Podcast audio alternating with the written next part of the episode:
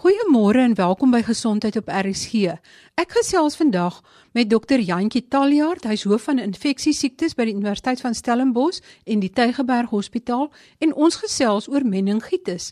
Want het julle geweet daar is meer as een soort meningitis? Dr. Taljaard, kom ons begin by die begin. Wat presies is meningitis?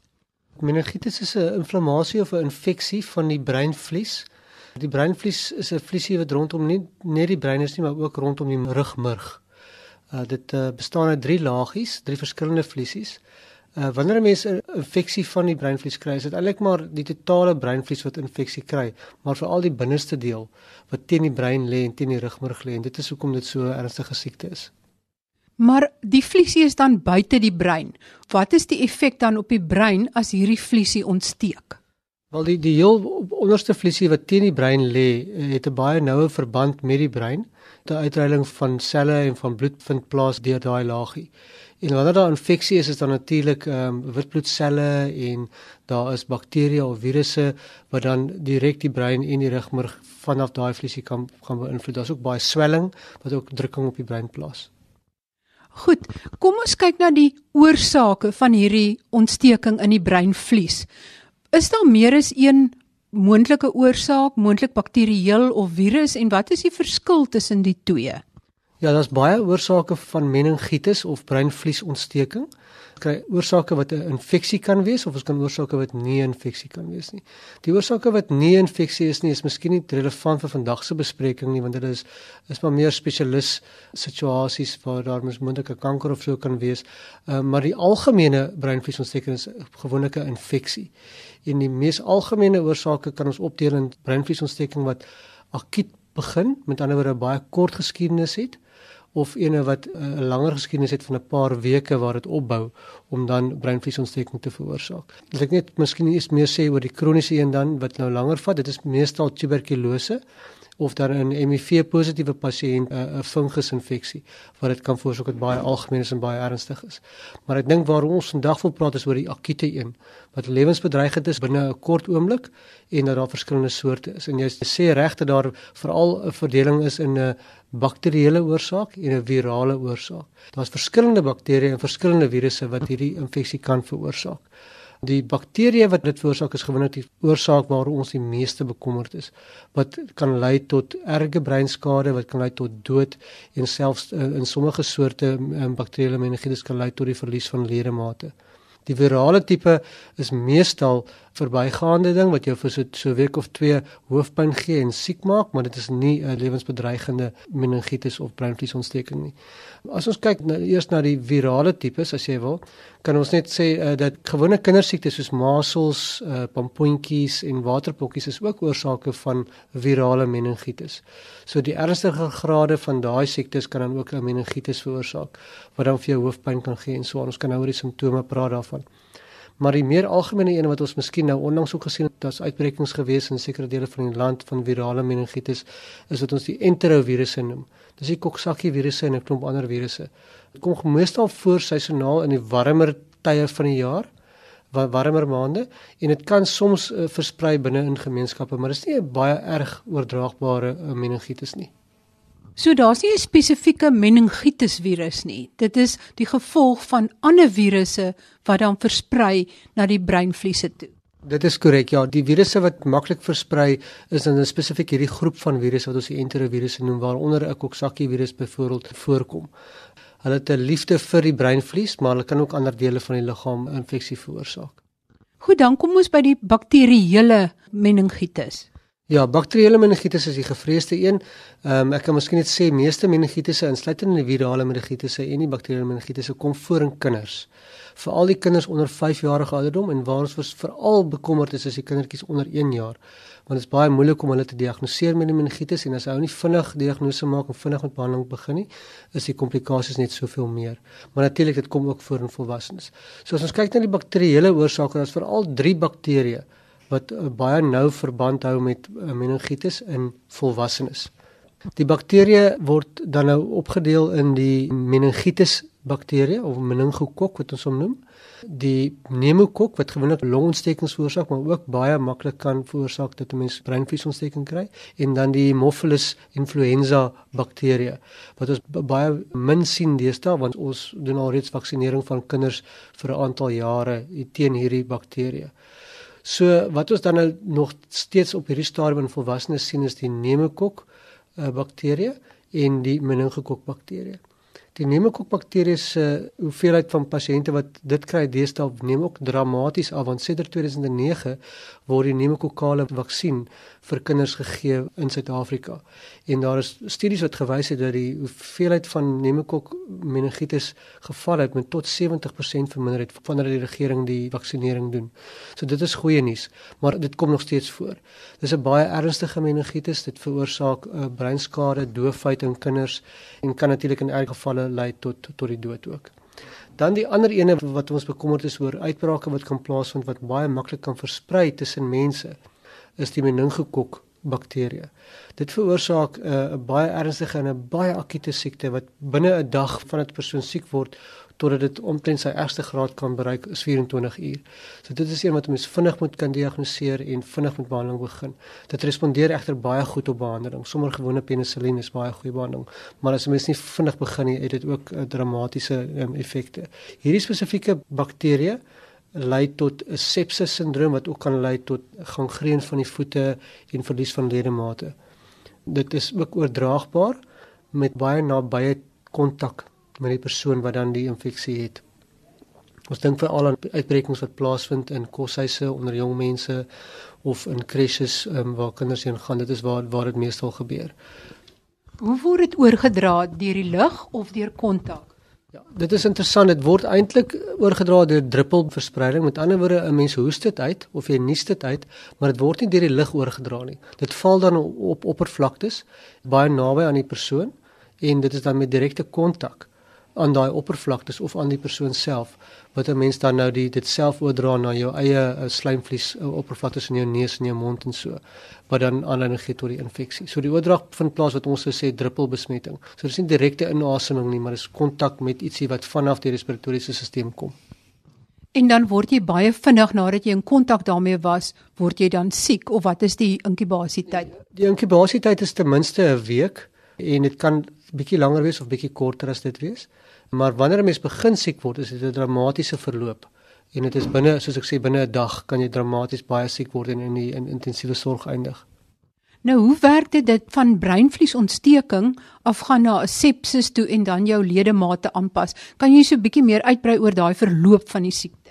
Die bakterieë koloniseer of woon in ons nasofaringeale slijmvlies, met ander woorde in ons neus en ons mond slijmvliese of keel slijmvliese. Dit kan normaalweg daar wees en geen probleem veroorsaak nie. In die uh, laat winter maande, vroeë uh, lente maande is daar dikwels meer respiratoriese infeksies, daar's miskien 'n bietjie meer hoëkoors, so dan raak mense slijmvliese meer deurlaatbaar vir hierdie um, organismes en wanneer hulle dan in die bloedstroom kan ingaan, veroorsaak hulle dan infeksie. Omdat dit dan ook naby aan die brein is, is die breinvlies uh, die eerste plek waar hulle miskien infeksie kan veroorsaak, maar hulle kan ook 'n algemene sepsis sindroom veroorsaak omdat dit in die bloedstroom is. En uh, dit veroorsaak dan ook 'n bloedstroominfeksie. Dit kan direk vanaf die keel na die bloedstroom gaan en 'n bloedstroominfeksie veroorsaak of dit kan eers na die breinvlies toe gaan en daarna in die bloed versprei. So daar's die twee maniere hoe die organisme mens kan siek maak. Ek het al gehoor hulle beskryf um, sommige van die simptome as 'n uh, uitslag. Wat presies is dit? Dit is nou spesifiek met hierdie meningokok bakterie wat dit dan ook geassosieer is met 'n uitslag oor die hele liggaam. Dit is eintlik klein puntbloedingkies op die vel dit word veroorsaak spesifiek deur hierdie bakterie en dit is dan een van die tekens wat vir ons sê dat hierdie bakterie waarskynlik die oorsaak is van die spesifieke infeksie. Dit is baie selde moontlik om onder die verskillende oorsake van meningitis te onderskei. Uh, maar hierdie is een van die tekens van meningitis wat jy kan sê dat dit waarskynlik 'n meningokok is. Uh, andersins kan ons nie regtig tussen viraal en bakterieël onderskei nie net ten opsigte van simptome nie want ons kan miskien nou oor die simptome ook gesels. Ja, wat is die presiese simptome en verskil dit tussen bakterieële en virale meningitis? Nee, dit verskil nie regtig nie soos ek gesê het nie behalwe nou met hierdie spesifieke meningokok bakterie waar jy velbloedings kan kry wat bykomstig is. Andersins het meeste volwassenes sal kla van hoofpyn en koors. Hulle op klaar van wat ons sê fotofobie of 'n moeilik om in skerp lig te kyk. Ehm um, die oë kan miskien 'n bietjie van 'n konjunktivitis hê en hulle het ook dikwels naait en braaking kan gedesoriënteerd wees. Virus meningitis kan baie dieselfde presenteer. Dikwels 'n minder graad van van ergheid, maar dieselfde soort van simptome. Dit verskil bietjie as mens na kinders gaan kyk, veral die heel klein kindertjies, die babatjies onder 3 maande ouderdom kan baie non-spesifieke simptome hê want hulle kan natuurlik nie vir jou sê dat hulle nie in die skerp lig kan kyk nie dat hulle hoofpyn het nie maar hulle sal presenteer of voordoen met meer van 'n irriteerbaarheid dat hulle nie so lekker drink nie en hulle kan natuurlik ook koors hê maar hulle kan ook lae temperature hê wat dan aanduiding kan wees van 'n erge meningitis. En wat van die uh, stywe nek? Het mense 'n stywe nek of nie? Ja, Stywe nek is wat almal dink is die definitiewe teken wat vir jou sê iemand het meningitis, maar daar's goeie studies wat gewys het dit is omtrent net teenwoordig omtrent 30 tot 40% van mense wat meningitis het. So as dit teenwoordig is, help dit jou om te sê dat daar is meningitis, maar mens moet nog steeds dink aan meningitis al is die nek nie so styf nie. Nou dit hang ook af van die organisme wat dit veroorsaak. Daar's sekere organismes, byvoorbeeld die fungusinfeksies in die HIV pasiënte wat net nooit 'n stywe nek het nie, terwyl die bakterieële infeksies meer geassosieer is met 'n stywe nek. In die klein babatjies dikwels ook nie noodwendig 'n stywe nek nie. So dit is 'n teken van breinvliesontsteking, maar dit kan dikwels ook nie teenwoordig wees nie. Dan hoe besluit julle hoe om te behandel? Kyk julle eers watter organisme dit is voordat julle behandel of moet julle dadelik wegtrek met behandeling? Dit is 'n baie goeie vraag want ek dink omdat ons nie onmiddellik weet wat die oorsaak daarvan is nie, is die reël dat 'n mens onmiddellik begin met behandeling vir die bakterieële tipe want daar is behandeling daarvoor as antibiotika wat baie goed werk. So en daar's baie goeie studies wat bewys het hoe vroeër ou begin met met die regte antibiotika, hoe laer is die kans vir breinskade of doofheid of of, of enige van die ander komplikasies. Die reël is om as mens 'n uh, kliniese diagnose maak van 'n breinvliesontsteking dat jy onmiddellik begin met antibiotika en dan doen jy jou toetse om te bevestig wat die oorsaak is. As dit dan nie 'n bakterieële oorsaak is nie, dan kan jy die antibiotika stop.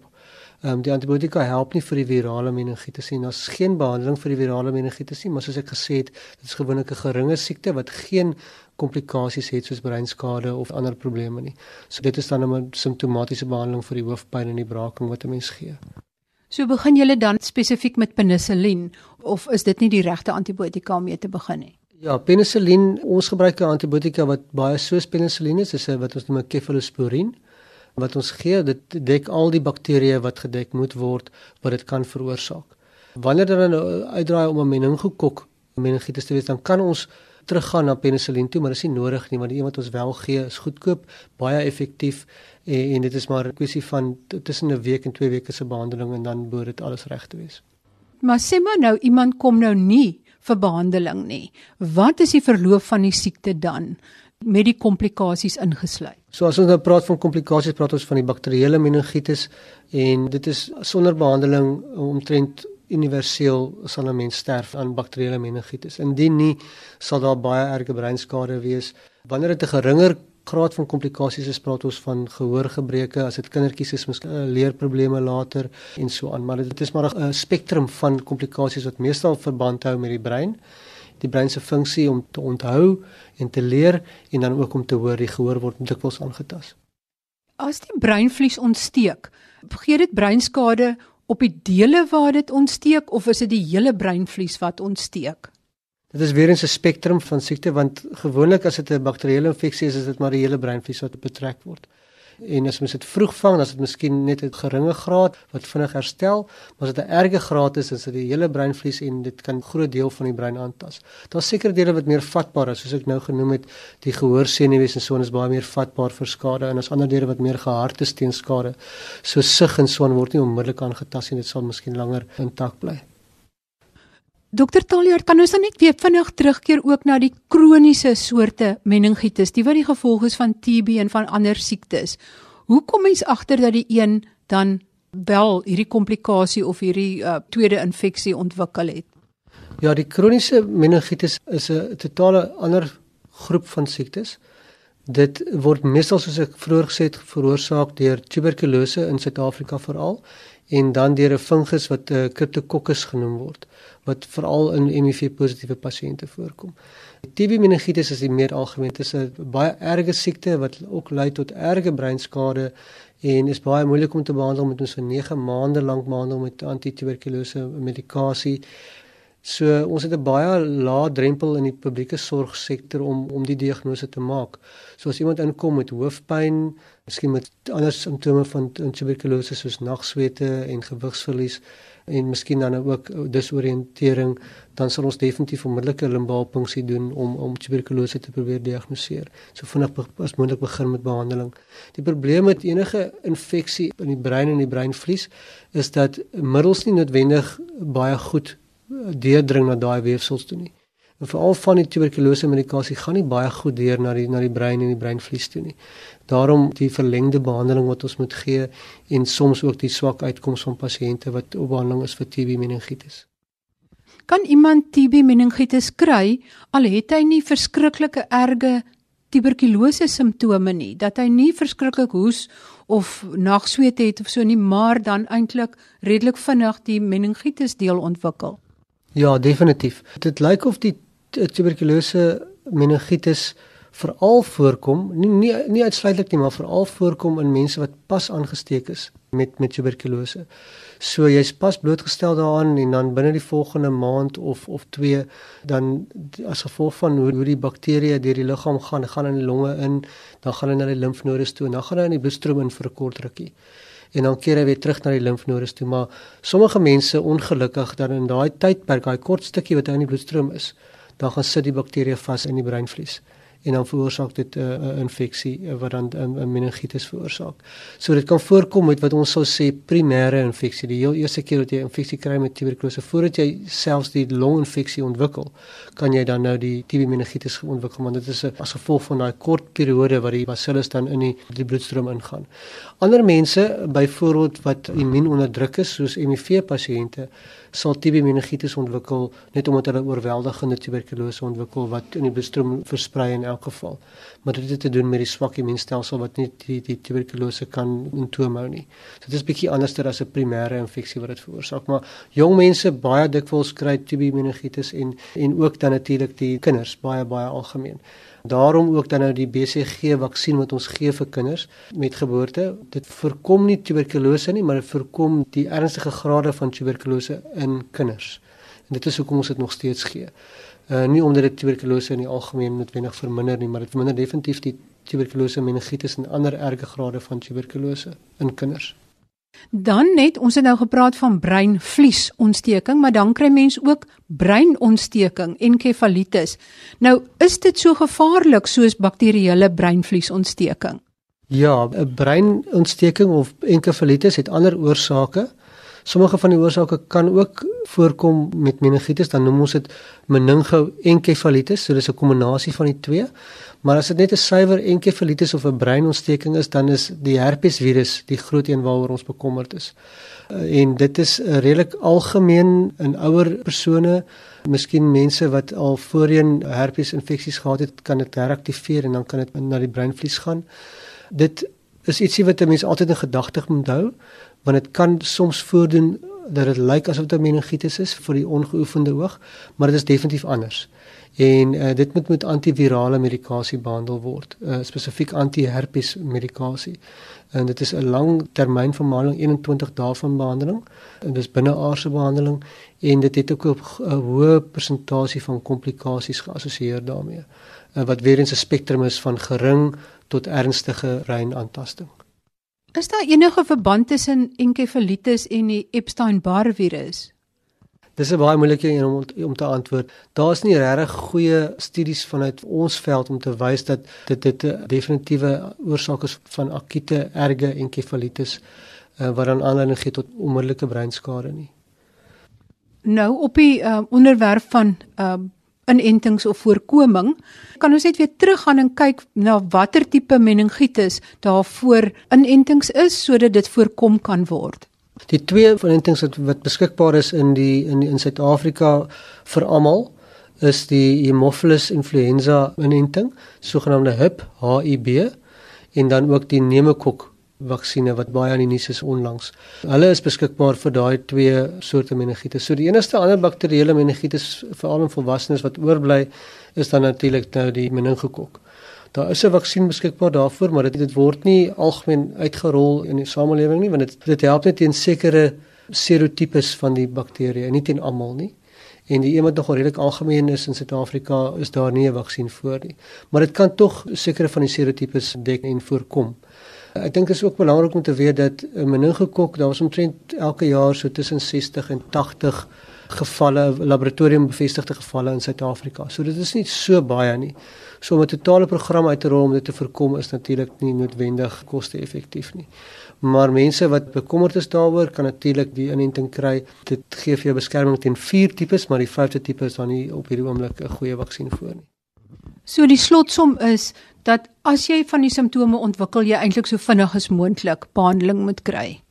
Dit is korrek. Dis absoluut die antwoord. Uit die mediese beroep weet ons dat dit is dit is wat jy moet doen. As jy iemand het met moontlike breinvliesontsteking, begin onmiddellik met antibiotika en daarna kan jy jou toetse doen en probeer uitvind wat die oorsaak is. Dit is aan al vir hierdie week.